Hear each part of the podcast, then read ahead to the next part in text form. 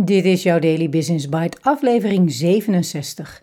Show Me the Money door Janneke Niesen op evenjinek.nl. En ik ben je host, Marja den Braber. Je luistert naar Daily Business Bites met Marja den Braber, waarin ze voor jou de beste artikelen over persoonlijke ontwikkeling en ondernemen selecteert en voorleest. Elke dag in minder dan 10 minuten.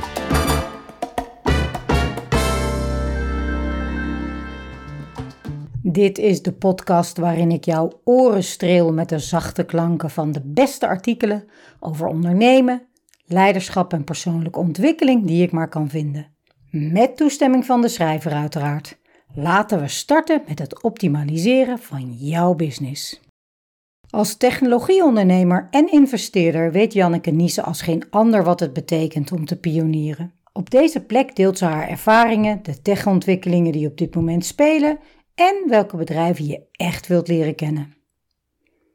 Veel succesvolle techondernemers veroveren de rijkenlijstjes. Van de tien rijkste mensen ter wereld hebben maar liefst zes hun geld verdiend met het starten van een techbedrijf. Niet echt nieuws, want daar lezen we vaak genoeg over. Maar wat je veel minder vaak hoort of leest, is dat ook de eerste werknemers van die bedrijven regelmatig miljonair worden. Dat heeft alleen vaak niets te maken met het salaris dat ze maandelijks op hun rekening krijgen. Wanneer je een bedrijf start, heb je de allerbeste mensen nodig om dat bedrijf succesvol te maken. Tegelijkertijd heb je meestal niet de beste papieren om die mensen ook aan je te binden. Je kunt vaak minder salaris betalen omdat je het geld simpelweg nog niet hebt. Daarnaast is het bij een start-up zelden 9 tot 5. Met minder mensen moet je concurreren met veel grotere bedrijven met diepere zakken. Dingen slimmer en anders doen maar ook gewoon keihard werken, maken dan vaak het verschil.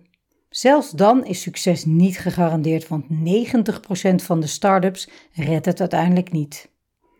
Dus keihard werken voor minder geld, in een ongestructureerde omgeving, grote kans op falen. Niet iedereen heeft daar zin in, maar je kunt het ook zien als de kans van je leven. Onderdeel uitmaken van een extreem gedreven team en samen iets nieuws bouwen alles zelf kunnen bedenken, de wereld veranderen en veroveren. Kleine kans op succes? Dat zullen we nog wel eens zien. Bring it on. Dat zijn precies de mensen waar start-up ondernemers naar op zoek zijn. Om deze groep die het avontuur wel aandurft en die gelooft in hun grote visie te belonen, geven ze vaak aandelen in het bedrijf. Zo worden werknemers ook een beetje eigenaar en delen ze in het succes, als dat er komt. In Amerika zijn aandelen of opties een standaard onderdeel van het beloningspakket van werknemers bij start-ups. Hoeveel aandelen je krijgt hangt vaak af van je rol en wanneer je begint. Hoe eerder, hoe groter het risico en dus hoe meer aandelen. De eerste werknemers van onder andere Google, Airbnb, Amazon en Slack zijn er allemaal miljonair mee geworden. Het mooie is dat deze mensen vaak of zelf een bedrijf starten of gaan investeren in andere techbedrijven en zo het ecosysteem weer verder versterken. De PayPal-maffia is daar een mooi voorbeeld van. Elon Musk startte Tesla en SpaceX. Chad Hurley en Steve Chen zijn de oprichters van YouTube. Wright Hoffman richtte LinkedIn op. En zo zijn er nog zeker 15 mensen die na PayPal op een andere manier naam hebben gemaakt in technologie.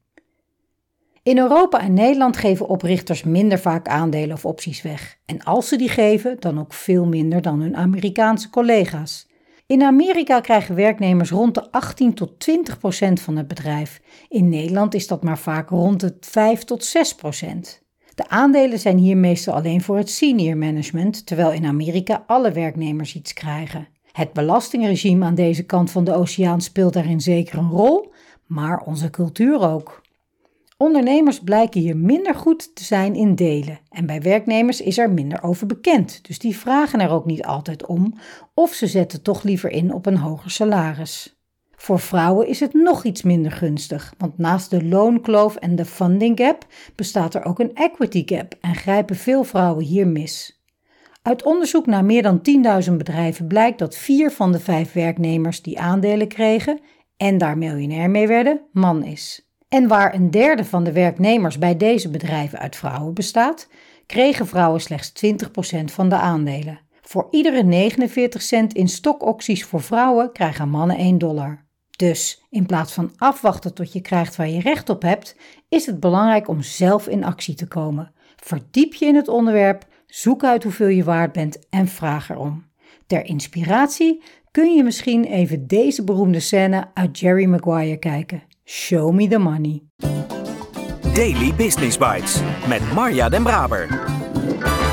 Je luisterde naar Show Me the Money door Janneke Niesen. Aantrekkelijke titels trekken altijd mijn aandacht, dus ook deze. Associaties ook. Show Me the Money was ooit een ultieme uitkomst van een van de managers uit een prachtig projectteam dat ik al vele jaren begeleid. Met die bijbehorende scène uit Jerry Maguire. Zeker even kijken. De gewenste uitkomst van deze UU, zoals ik ze noem, was extra budget van vele miljoenen voor iets in het project wat ze echt heel graag wilden. De betreffende manager werd later door collega's gebeld met de vraag hoe hij dit voor elkaar had gekregen. Met veel inzet uiteraard, maar ook met slimme acties gebaseerd op deze aantrekkelijke ultieme uitkomst. Daarom werk ik ook zo graag met teams met deze strategie. Voel je hoeveel beter dit kan werken dan we willen extra budget realiseren voor? ik val tijdens dat soort zinnen al in slaap. Maar terug naar Janneke.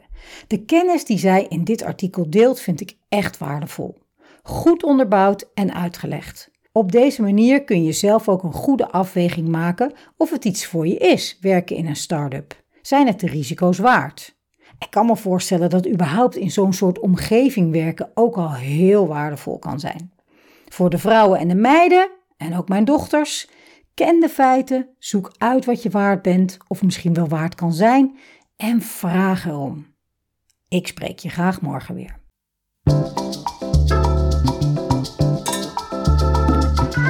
Dit was Daily Business Bites. Wil je vaker voorgelezen worden? Abonneer je dan op de podcast in je favoriete podcast-app. Meer weten? Klik op de links in de show notes.